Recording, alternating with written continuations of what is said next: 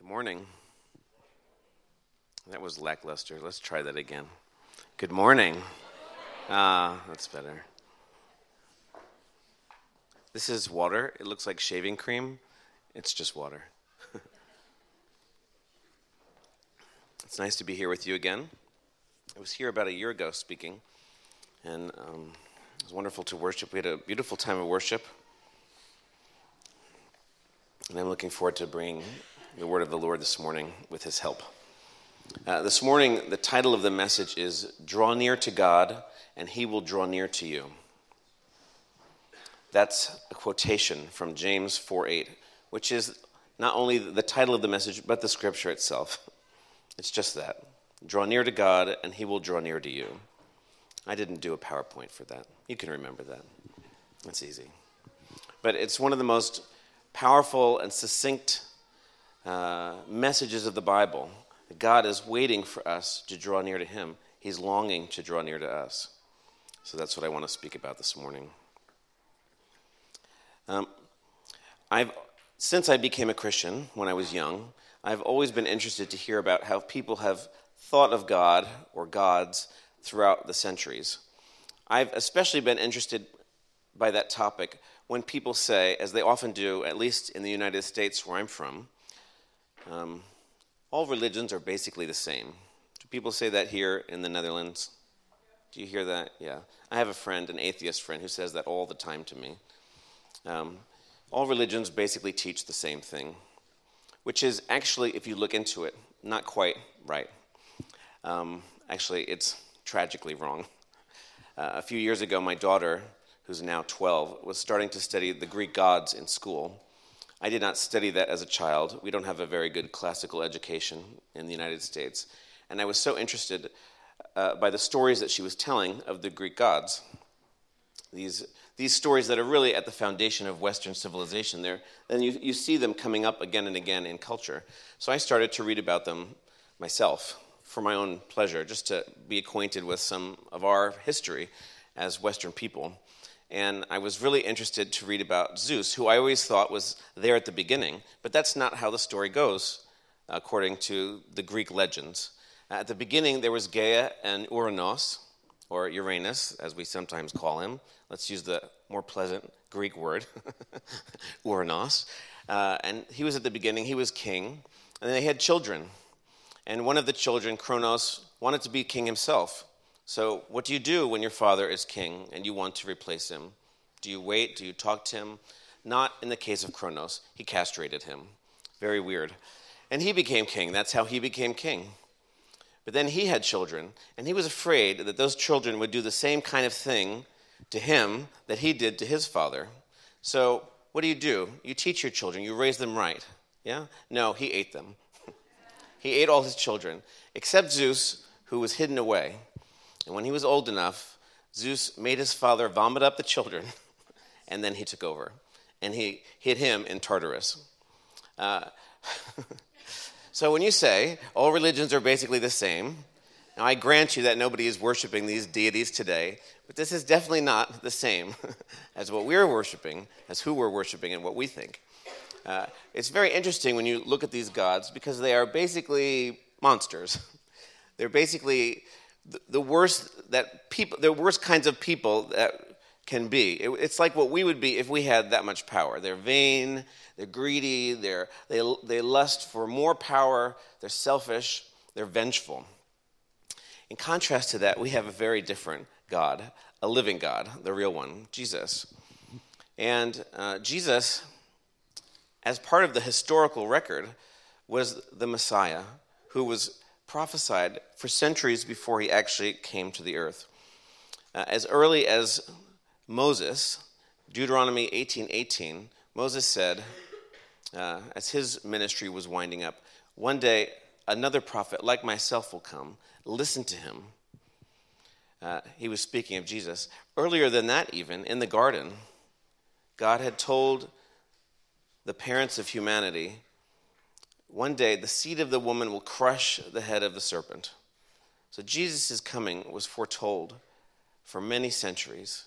And then he came 2,000 years ago in the flesh, a descendant of King David's, and he taught and demonstrated the nearby kingdom of God. You've probably heard a lot about the kingdom of God here. This idea that God is not far off, not out in space, but he's, he's here in our midst, around us, nearby, waiting to meet us. The kingdom of God is really the reign of God, his active ruling, his action. And Jesus taught about the kingdom of God and he demonstrated it. He always put the two together. He didn't just talk. It wasn't it was never just ideas. It was true ideas then matched with demonstration. And as part of those demonstrations, he was constantly healing people, constantly uh, restoring people's lives, restoring people, people's connection with the Father. He, he even raised the dead. He did amazing things. And as it says in Hebrews 13 8, Jesus is the same yesterday, today, and forever. He's still doing the same kinds of things. Just two days ago, I was at this conference in Nijkerk, as Bram mentioned, and there was a woman, and she was, uh, there was a lot of emotion coming out of her. Uh, just emotion. But at some point, she said, I feel this, this tightness here. So as soon as she said it, I thought, that's a demon of fear. I just knew it was by the Holy Spirit. And I just said, In Jesus' name, I break that demon of fear. And then she had this release. She cried more. And that was that. She got filled with peace. But then yesterday, she came to me in the morning, her eyes like this, with this huge smile on her face. She said, I've had that tightness in my stomach my whole life. And it's gone. It's gone. It was a fear. It was a spirit of fear that had afflicted her her whole life. That's amazing. This is the ministry that Jesus performed himself and has given to the church, not just some people. It's not my ministry, it's our ministry. If you believe in Jesus, if you believe in Jesus at 11:59 today, at 12 o'clock you can start ministering. that's how it works. The Holy Spirit comes to be with us. More on that in a moment. But that's so beautiful. Uh, as as we read, uh, Jesus came to destroy the, the power of the devil. But anyway, Jesus was doing these beautiful things, but he was threatening the religious leaders, the pastors, the, you know, what essentially were the Jewish pastors. They did not like that, most of them, because he was showing up with the real thing and showing that they were bankrupt, actually. They had become legalistic, idea people who were showy and trying to, you know, looking to brag about their supposed righteousness, in many cases anyway. And they resented him and they envied him and they sought his destruction. So, after all, a whole several years of doing nothing but beautiful works, ministering beautiful things to people, he was arrested, betrayed by all of his disciples, his friends, scattered. They didn't want to have the same fate he did, brutally tortured, and then nailed to a cross, killed on a cross. Uh, that was his repayment for his goodness. And on the cross, uh, we, it's very interesting about the Gospels. Uh, you know, there are four biographies of Jesus in the New Testament. We call them the Gospels. And really, it's like in each case, in all four of them, there's a short introduction and then a long passage about the cross.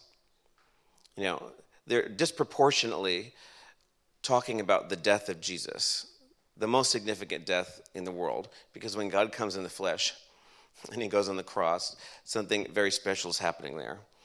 Uh, now, if you had been abandoned by all of your followers at the moment you most needed them, and the people who were in charge of the worship of Israel, the people who were most supposed to embrace you, actually made sure that you were put on a cross, it would be understandable if you were a bit bitter about that. Jesus, however, on the cross prays this. We, we read this in Luke 23 Father, forgive them because they do not know what they are doing. A little while later, as he's dying, the way you die on the cross, by the way, is by suffocation. You know that? You, you can't hold yourself up. Your, your feet are nailed, your arms are nailed, and you can't breathe. And so to breathe, you have to push yourself up but then that causes agony on your feet. The, the Romans had the, devised this torture, this torturous death, as the most painful death you could have. Um, anyway, he's dying there. you know, obviously in agony, along with two other people who were crucified with him. And one of them started to mock him. But the other rebuked the mocker. And he said, This man hasn't done anything wrong. He had faith in Jesus. He was being crucified himself for something he did wrong, for a crime he did. But Jesus said to him, Truly I tell you, today you will be with me in paradise. Even as he's there on the cross, he's ministering. He's giving his mother over to John so he can know that his mother will be taken care of after he's gone. Later, we read about this in Mark 15. It says, Jesus cried out with a loud voice, Eloi, Eloi, lama sabachthani, which is translated, My God, my God, why have you abandoned me? He felt abandoned by the Father. He felt forsaken. He was experiencing, for the first time in his existence, his eternal existence, being separated from the Father. And then finally, we read this back to Luke 23. The curtain of the sanctuary was split down the middle. And Jesus called out in a loud voice, Father, into your hands I entrust my spirit. And he gave up his last, he died.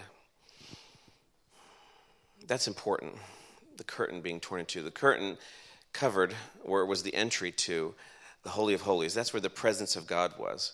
And suddenly, at the moment that Jesus died, it was destroyed. More on that in a second. So the disciples, of course, were brokenhearted, shattered. They thought, they knew he was to be the king of Israel, but suddenly it looked like all their beliefs were wrong, everything was for nothing. But then you know the story. Three days later, or on the third day, I should say, he rose again. And we have good reason to believe that. Because the people who had abandoned him only shortly after are proclaiming him and refusing to not proclaim him. All of the apostles, except for one, were martyred, and martyred in gruesome ways, really horrible ways, uh, because they wouldn't stop talking about this Jesus who had died and rose again. Uh, within a few weeks, thousands of people are coming to worship Jesus in Jerusalem, the city that vomited him out. Suddenly, thousands of people in Jerusalem are worshiping Jesus, changing their habits, changing their, their concept of God, seeing him as a trinity, worshiping on a different Sabbath in some cases, uh, changing things that, uh, rituals, patterns that they had observed for thousands of years. There's a, there's a large historical record to all of this we have good reason to believe in the resurrection of the Son of God. If you're interested, there's a book. If you want, if you want to read more about that, you're skeptical. You think, well, that sounds silly. There's a book called The Resurrection of the Son of God by N.T. Wright. It's, it's a big book, but it's, he's, he's a, wonderful New Testament scholar, historian, actually, um, who's now teaching at Oxford, where he used to teach before, too. And that, if you're interested, is a great read. But it's not just because of history that we believe in Jesus, though that is the basis of Christianity. It's a historical religion. But the people who believe in him now still encounter Jesus. He's still he's equally available. He actually told his disciples, "It's better that I go, that I die, rise and ascend to the Father, so that the Holy Spirit could come, so he could be even more intimately present with us." Oh, yes, there's the echo in the middle. I see that. Um, those who believe in him now still encounter him. I learned this when I was young. When I was eight years old, uh, my father, on Easter vacation, went jogging one day. It was a, a beautiful spring day, and while he was jogging, he had a heart attack and he dropped dead in the park. Um, it was completely sudden. He had actually gone to the cardiologist only a few days before the cardiologist had told him, You're in perfect health. And then he was gone just like that. And that, of course, was horrible for my mother, for me. I was, uh, I'm an only child. And um, it was horrible then, but it, actually, in a way, became more horrible for me when I was about 12, because I was starting to go through puberty. I'm starting to become a man, and I'm I, I, really felt the lack of my father, the absence of my father at that time. I really longed for him to be there, and I needed him, and I knew I needed him. And I, we had just moved from one town to another in the middle of the year, so I was deeply missing my father, feeling really lost as a pers- as a child, a boy becoming a man. And then in this new town, I felt very rejected. I was bullied. I didn't have any friends. And it was just a really terrible experience for me. I got really depressed. And I remember I was raised as a Christian. Uh, I remember thinking about what was going what I was feeling, what was going on and saying to God, you know, you could have stopped this. Like what what is the deal, God? You know, this didn't have to happen. You could have intervened. You could have pre- prevented my father from dying. And I didn't get an answer. And I just became more and more bitter. And so I decided I should leave the earth. I decided I don't want to live, it's too painful. And I thought I should kill myself. So I bought a box of pills, a gigantic box of pills. I started writing letters. This is over the course of like two weeks. I started writing letters to people so that letters that they would find when they found my body. And so I was just preparing to kill myself. And at some point I thought, you know, maybe this isn't such a good idea. Because I had been taught as a child, if you kill yourself, you go to hell. And I don't believe that now. But at the time I was thinking, well, that's, that's probably significant. Let me think about this. Uh, but as I thought about it, I realized that if, if I died and went to heaven, that would mean I would be with God. And of all the people I knew, the one I hated the most was God. So I, I really was very bitter at him for what I felt like was his fault. It wasn't his fault, but I felt like it was. And so I thought, no, I'll just choose hell. So I was very consciously choosing a terrible path at age 12, young and hard hearted. And in the middle of this, one night I could not sleep. I woke up at about 4:30 in the morning, and uh, I, put, I picked a book off the shelf just to occupy my mind, so, you know, to do something because I was bored not able to sleep. And I read a passage from one of the Gospels. I couldn't tell you what it was, I don't remember. It was just a paragraph about Jesus.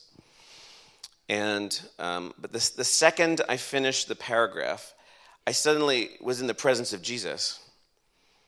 I didn't see anything, I didn't hear anything, it wasn't like that. But I was, it was like I was in, uh, it was like this ocean of, of love was suddenly flowing into the core of my heart.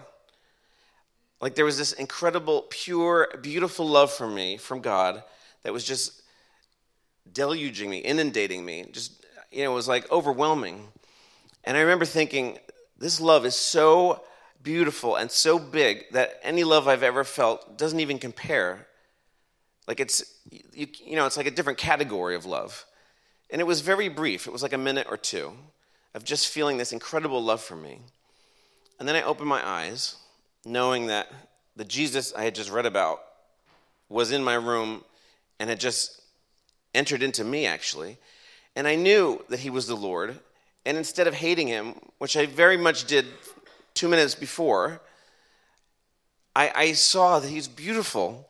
And I knew that I had to turn from my sins and follow him for the rest of my life. I knew it. And nobody told me that, but it was just the Holy Spirit. And I immediately did that. I, I, asked Jesus to forgive me for my sins. I gave him my life, and I started to follow him. I remember taking the dog for a walk a few hours later, and it was February, and there were no leaves on the trees, and I was looking at the trees, and they were so beautiful the trees against the sky. There was this incredible joy in me. Like I had been living in this dark cloud. I didn't see any beauty, I didn't see anything good. And suddenly I was connected to God. I knew He loved me and I could just see his beautiful earth. It was unbelievable. It was so good and, and so powerful because when I most hated him, when I most rejected him, I really wanted to get rid of him. my, my goal was to run as far as I could from him in my hatred. And when I was at my very worst, that's when he chose to come into my life. That's when he chose to reveal himself to me. Just like on the cross, as the people who, who nailed his hands to a huge uh, log attached to another log, as he's hanging there in front of his torturers, he's praying for their forgiveness. That's how Jesus is. When we're at our worst, there he comes with his love, showing it's not because of your, the good things you did that I'm coming. I just love you, and I'm here to change your life. That's the message he was giving me. This is a God nobody would invent, right? Because we don't naturally see that kind of love Apart from Jesus and people who know Jesus, you don't normally see that kind of sacrificial love again and again and again. But we do with Jesus. Now, you compare that to where I started with Zeus and his, his crazy family, and you have a very different story. Jesus sacrificing himself for us, Jesus saving us in his weakness, by his weakness on the cross, at his, weakness, at his weakest moment, destroying the power of the devil over our lives, destroying the power of sin. And what's beautiful is that Jesus did this, all of this, for us, died for us, rose from the dead, not just so we could be forgiven. Right? That's, that's often how the gospel is preached to people, and that's true. You know, when you believe in Jesus, you receive forgiveness. You don't re- you receive judicial forgiveness, the cancellation of your sins. So if you go before the court of God with God as judge, the moment you believe in Jesus, God has declared on the basis of what Jesus did, innocent. It's over. You have received your eternal verdict. In other words, the sins you did in the past, the sins you do in the future, they've been paid for. You have your eternal verdict. You know what it's going to be when you leave this earth through death or the return of Jesus and go to Him face to face. It's yours already. It's called justification. Read about it, it's in here. it's good stuff. But He didn't just die for that. That's very important because it, it, it, allows us to know that God has done everything that needed to be done so he could be connected to us, which is really the point. God wants to be connected to us, he wants to be connected to you, to everyone. That's what he created us for. That's what it was like at the beginning in the garden. Humanity had fellowship with God and with one another, and there was, there was connection. There was an atmosphere of love and goodness and purity. But then humanity rebelled against God. We broke our connection to Him. And that's why Jesus came, so that He could return us to the presence of God, that we, He could bring us access to God by the Holy Spirit. That's the significance of what happened with the curtain. The curtain in the temple was not like this. You know, when you have a curtain in your house, it's this really little thin thing. Maybe you can't see it through it, maybe you can. But the curtain in the temple was thick, like a wrestling mat, like really thick. So the fact that it was suddenly torn in two, this was not done by human hands, from top to bottom, it was torn in two. This was a sign that the Holy Spirit was not confined to that space anymore, not to a building. Now he lives in the church. The church. Which is not this, it's that. It's you. It's us. Those of us who believe in Jesus, that's the church. The ones who are called out, that's what it means, the church. That's what the word means in Greek. He came to live in us, and, to, and he came to live in us as individuals. That's, that's what Jesus died for, so we could be connected to God. Jesus experienced being forsaken by God so we wouldn't have to. So, kingdom people, Christians, we're people of the presence. We're people of God's presence. God has come to visit us and to stay with us. That means that we don't have to be empty selves anymore. Yeah? We don't have to live empty. We're not meant to live empty. We're meant to live filled, filled with God, filled with His love for us. And it makes a huge difference when you're filled. When there's a love from outside of you that comes to live inside of you, a love, an affirmation, when your father is nearby with his hand on you and you know it, right? You become a confident person. You become a peaceful, loving person. And you transmit love and peace and joy to others. It's a complete revolution in a life when you come into the presence of God and stay there and live as a filled person. Which is not how people live in the world when they don't know Jesus. They live as empty selves. You know, you and I walk around, and maybe some of you here uh, we meet many empty selves, people who are very dry and don't really know what to do about it because there is no solution apart from Jesus. Imagine if the Mediterranean, have you been to the, who's been to the Mediterranean? Yeah, it's worth going if you have the chance. It's so beautiful. Imagine that the Mediterranean, this gigantic body of water, was drained. So it was just the seabed, just the ground, no more water. And people said, Oh, we miss the Mediterranean. Let's fill it up again. So they took buckets from their homes and started pouring it in. That would be laughably impossible, right? Not going to work. It's gone. But that's how people are. We have a gigantic God sized hole in our hearts, and we try to fill it up with buckets of entertainment, human relationships, which are great, entertainment, also great. Um, we try to fill it up with things, with busyness, with ourselves. We don't know what to fill it up with. And that's how that's what you see when you walk around. You see many people with this massive hole and they're desperately trying to fill it up again or fill it up. They're addicted, they're confused, they're empty selves. They're supposed to be filled, but they won't be without Jesus. That's the truth. And so we come to James 4 8 again. Draw near to God, and he will draw near to you. It's true. It's just a fact. It's a promise. It's certain that he'll fill us. Paul makes that clear in Ephesians 3:19. He's praying for the, the church, and he says this. He prays that we would know Christ's love that surpasses knowledge, so that you may be filled with all the fullness of God. When God inspires a prayer and puts it in the scripture, you know that he wants to answer that prayer. The scripture is inspired by God. So we know that's his will for you. You want to know what is God's will for me? It would be nice to know God's will for you. Well, that's his will for you, that you'd be filled with God. There's other things you might learn about his will for you, but that's one of them. That's really important. Oftentimes, people have an experience when they come to meet Jesus and they feel filled, they're aware of being filled for a long time, but then it sort of fades. They're not aware of it so much anymore. They lose the sense of the presence of God. That's what happened to me when I got saved at age 12. For months, maybe for a year, I felt so close to God. I remember I would sometimes read the Bible in my room at night, which is amazing because nobody told me to do that, but it was just the Holy Spirit guiding me. And I would feel so close to Him, and He would be filling me again and again. You know, we are, as my friend Leanne Payne used to say, we are leaky vessels. You know, uh, the water pours out. But he, he kept filling me again and again. But then after a year, I didn't feel that so much anymore. And I don't quite know why.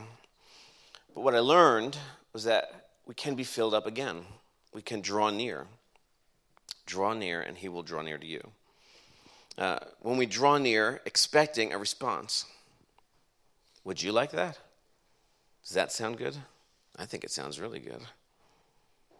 We don't have to live as empty selves. A lot of Christians live as empty selves. They were filled once, and God wants to keep filling them, to fill them up with all the fullness of God. So we need only draw near again. And it's about, to talk about that is to say, we need to come with our hearts, our real selves before God. Jesus said this himself. He said, Ask and it will be given to you. Seek and you will find. Knock and the door will be open to you. In other words, if you seek God, you're infallibly going to find him. You ask, you're infallibly going to be given him. You knock that you will infallibly find the door opened. If you do it authentically, you know, if you're really looking, that's what's going to happen. Uh, so to draw near to God is to say, to approach him with your real self, your real heart. God is, in, this, in a way, like us. You know how it is when um, you go somewhere and they don't want you there? Have you ever been in a room of people and you know, you walk in and you're like, tough crowd. You know, I am not wanted here. Maybe people in the room are angry at you. Uh, maybe you had, you know, a, a, kind of breakdown in your relationship and you feel the anger, you feel the, the coldness. And what do you want to do? Do you want to stay? No. Right? You want to leave. You're not wanted. You feel it. Maybe nobody's saying anything to you, but you, you can, you know, it's, it's real, it's tangible, you feel it, and so you, you don't want to be there. Well, that's how God is. You know, He knows if we want to be with Him or not. You know, and if you really don't want God to be with you, it's reasonable to, be, to expect that He might withhold Himself, not because He doesn't want to be with you, but because He's respecting your desire. Right? He's gentle, He's kind. On the other hand, he may walk through the door of your heart like he did for me. Sometimes he just is like, that's enough now. I'm moving in. Thank God. But, but normally, you know, he, he wants us to, I mean, especially after we know him, we already know him, he wants us to, to seek him. Yeah? He wants it to be from our hearts. Not because we're supposed to, not because somebody told you to, not because we have to, but because he's so good. Yeah? Because when you spend time with him, what you discover, and sometimes you don't even know how you discover it, but you discover how beautiful he is, how good his heart is. If you spend time with God, if I spend time with God, I come out a different person. I come out more confident. I come out more happy, more peaceful, less agitated. But what he wants is our real selves, our authentic selves, you know, which may feel joyful, may feel angry, may feel confused, may feel sad. You know, what are you actually feeling? Uh, maybe content, maybe frustrated, maybe exhausted. We feel all kinds of things. But that's what he wants. He wants the real you, not the religious you, right? Not the, not the happy, shiny you that's only happy, right? Because sometimes we get stuck in an image that we're trying to portray to other people. Uh, that happens at church. You know, we, we do things that are very good and important, like prayer, like church service, like attending church. You know, and they're good things and they're important things. But sometimes we convince ourselves that that's, that's our relationship with God. And it, and it can be part of that, but it, it can also not be. It can be a way of hiding our hearts. It says in Psalm 51 The sacrifices of God are a broken spirit, a broken and contrite heart, O God, you will not despise. You know, he wants us to take the image that we sometimes portray. You know, don't, we don't go around telling each other about our weaknesses, our flaws, our vulnerabilities so much. We, we portray the strong self, but, it, but God sees through it.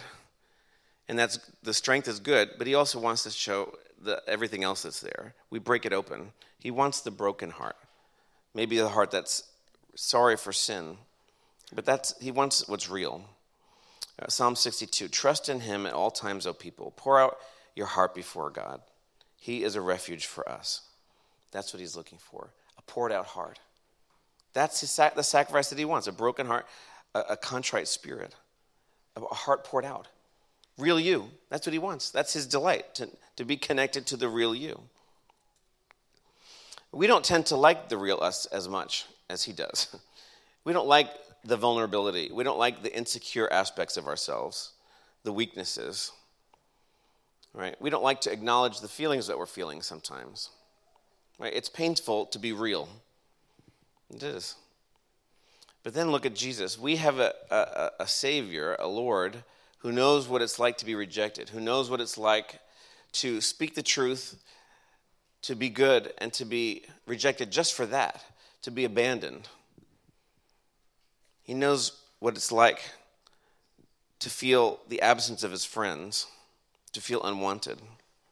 He can identify with our hearts, whatever we're feeling, whether it's joy at one moment, sadness at another. He's there for us, He has compassion, He's lived it. So, to draw near to God means first we draw near to God authentically, the real self, the real you, the real me. It may mean, secondly, that we deal with frustrations that we have with God. You know, God is perfect, He's only good, He's wholly good. As John says in his first epistle, He's holy light with no darkness. There's nothing dark in Him. He does not author evil at all, ever. But you may, in your life, be frustrated with God. And that's real too. You know, if I'm frustrated with God, God hasn't done anything wrong. I may feel and think he has, and I may even know in my head, well, no, he hasn't. But I, but part of me is like, yeah, he has. but that, that's real, and that that has to come out. You know, there are Christians, you know, maybe here, you know, who live for a long time not connecting with God because they're so frustrated with Him, but they're not acknowledging it. They have disappointments. You know, when you when you lose something, when there's a loss in your life, uh, unfulfilled expectations, it can be extremely frustrating. And if you feel that towards God, well, He knows it already, but it's important to bring it to Him. Paul says this in Ephesians 4:26. Be angry, but sin not. It's okay to be angry with somebody else or with God, just don't sin. You know, if you're angry at God in this case, don't believe that He's actually done evil, but be honest about how you feel. Yeah? We moved, my family and I moved back to Belgium after being away for five years in the United States last year. And it has been one of the hardest years of my life for a, a bunch of reasons. But there have been many times over the last year where I've been frustrated with God. And He didn't do anything wrong, but things that I thought would fall into place quickly when we returned back to Belgium did not. And there have been many times where I've gone to prayer, frustrated, angry, upset. Like, why aren't you doing, you know, can you help? Like, can you be quicker? Thank you for your love, but hurry. I need you to fix these things, like now. And every time, I'm honest with him. I'm very honest with God normally. That's, yeah, I'm not good at not being honest, actually, um, most of the time, although I can be fake. But uh, this year has been pretty easy to be honest. And when I spend time with him, you know, all my problems haven't evaporated. They're slowly getting fixed. But he refreshes me, he draws near. I'm angry at him, and he comes with love. I'm frustrated with him, and he, he, he gives me confidence in him that he's going to see us through the difficulties that we've been facing. That's how he is, bit by bit. So we have to be drawing near with our real selves, with our real frustrations. Drawing near to God can also, very importantly, require us to, to say goodbye to idols. That's the last thing that John says in his first epistle. He says, Little children, this is 1 John 5 21, little children, keep yourselves from idols.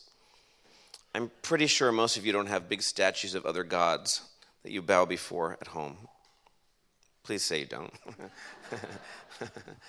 Good if you don't, right? But that's not the only thing that an idol is. An idol is, is a worship substitute.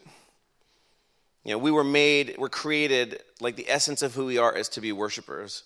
And an idol is when something else has taken greater importance in your heart more than God, in your mind. You know, the, the thing that you think about all the time, the thing that most brings you energy and delight. If, you know, when it's not God, it's very, very often an idol. What, do we, what, do, what, is our life, what is our life focused on? What is it really about? Um, and what you find when you walk honestly before God is that there, are, there can be a lot of idols there.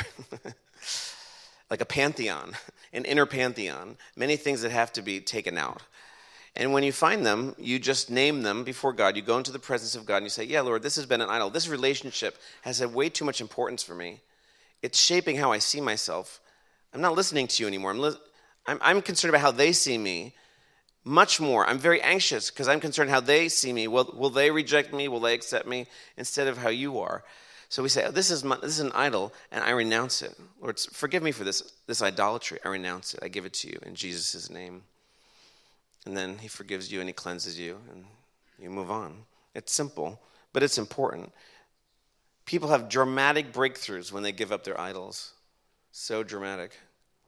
It's unbelievable what happens you know, the idol of uh, your image, your own image, you know, the image you have of yourself that you want other people to believe.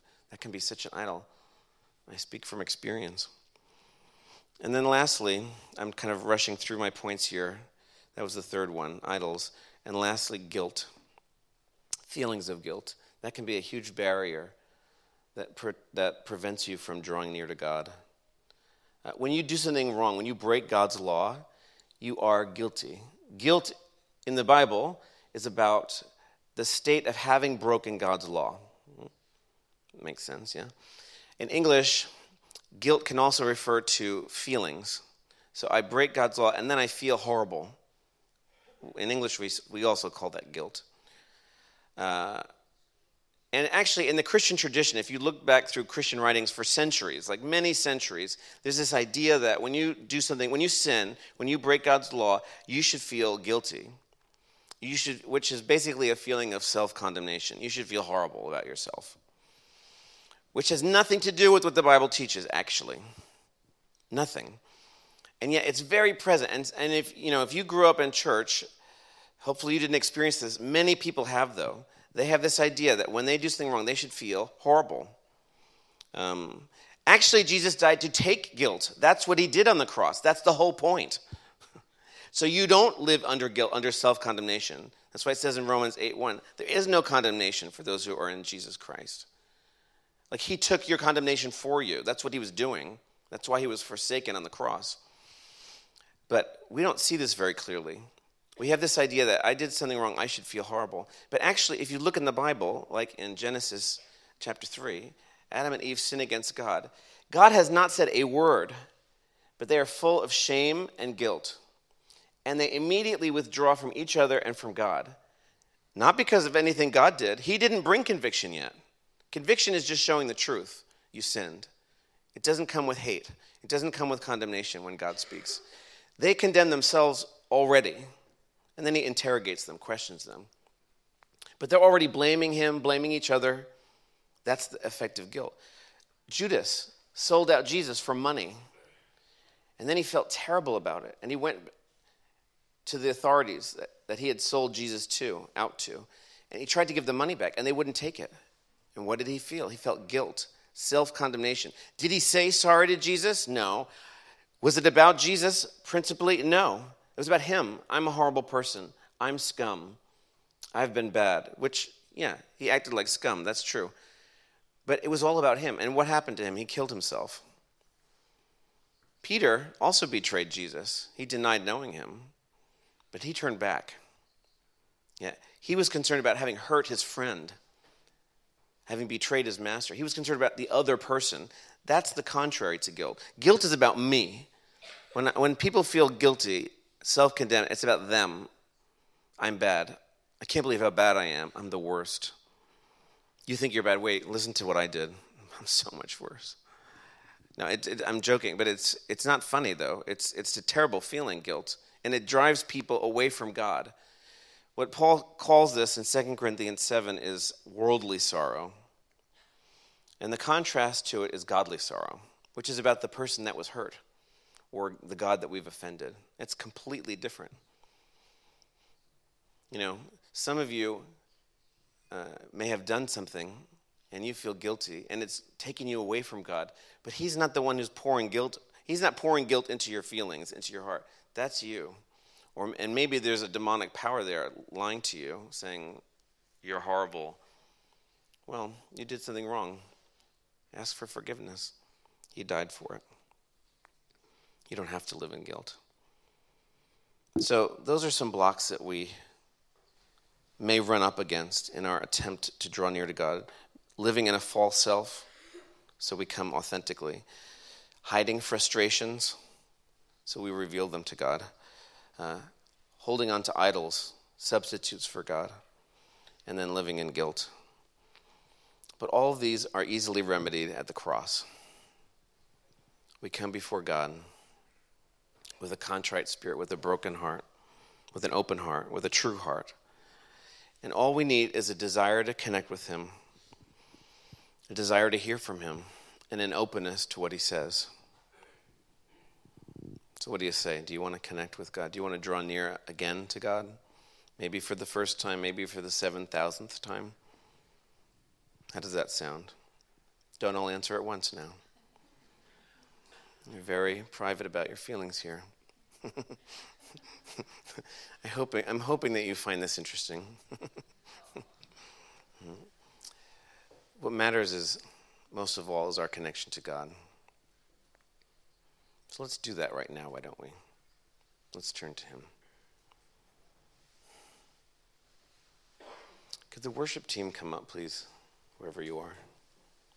Oh, there you are. Um, I'm just going to ask the Holy Spirit to come. He's here right now. He's drawing near right now. And He's calling out to you in love. And He wants, he wants to meet with you personally.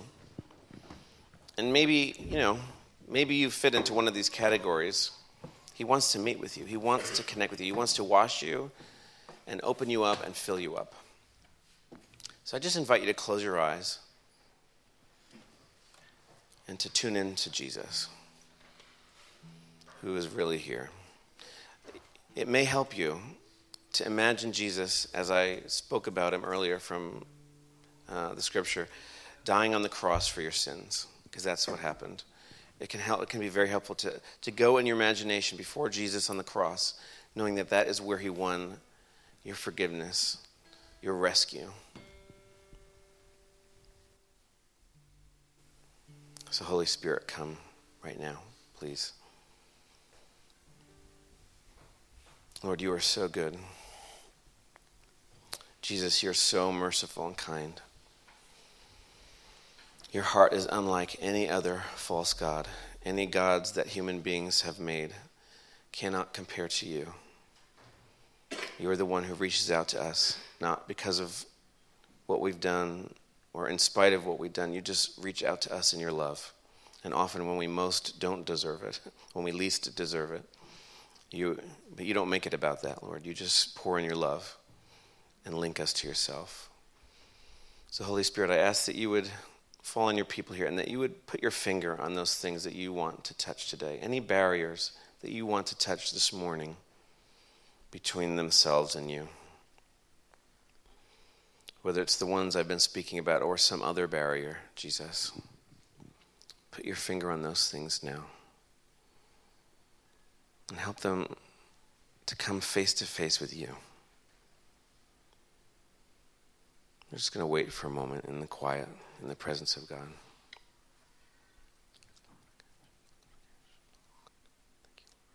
Thank you, Jesus. Thank you, Lord. If the Lord's showing you a barrier, some sort of obstacle that has been there between you and Him, I invite you to go and to deal with it right now,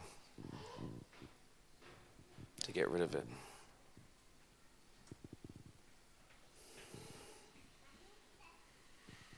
To call on Jesus.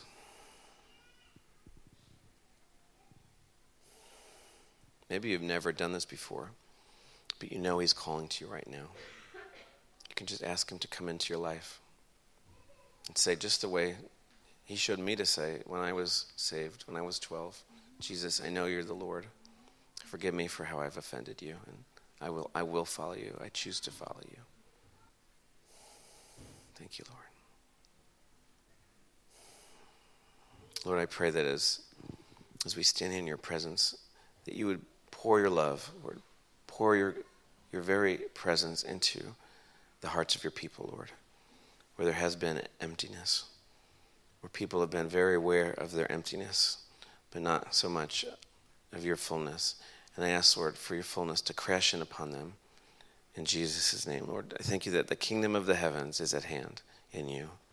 And I ask that your kingdom would break through and that you would minister fullness to your people and fill them with your love.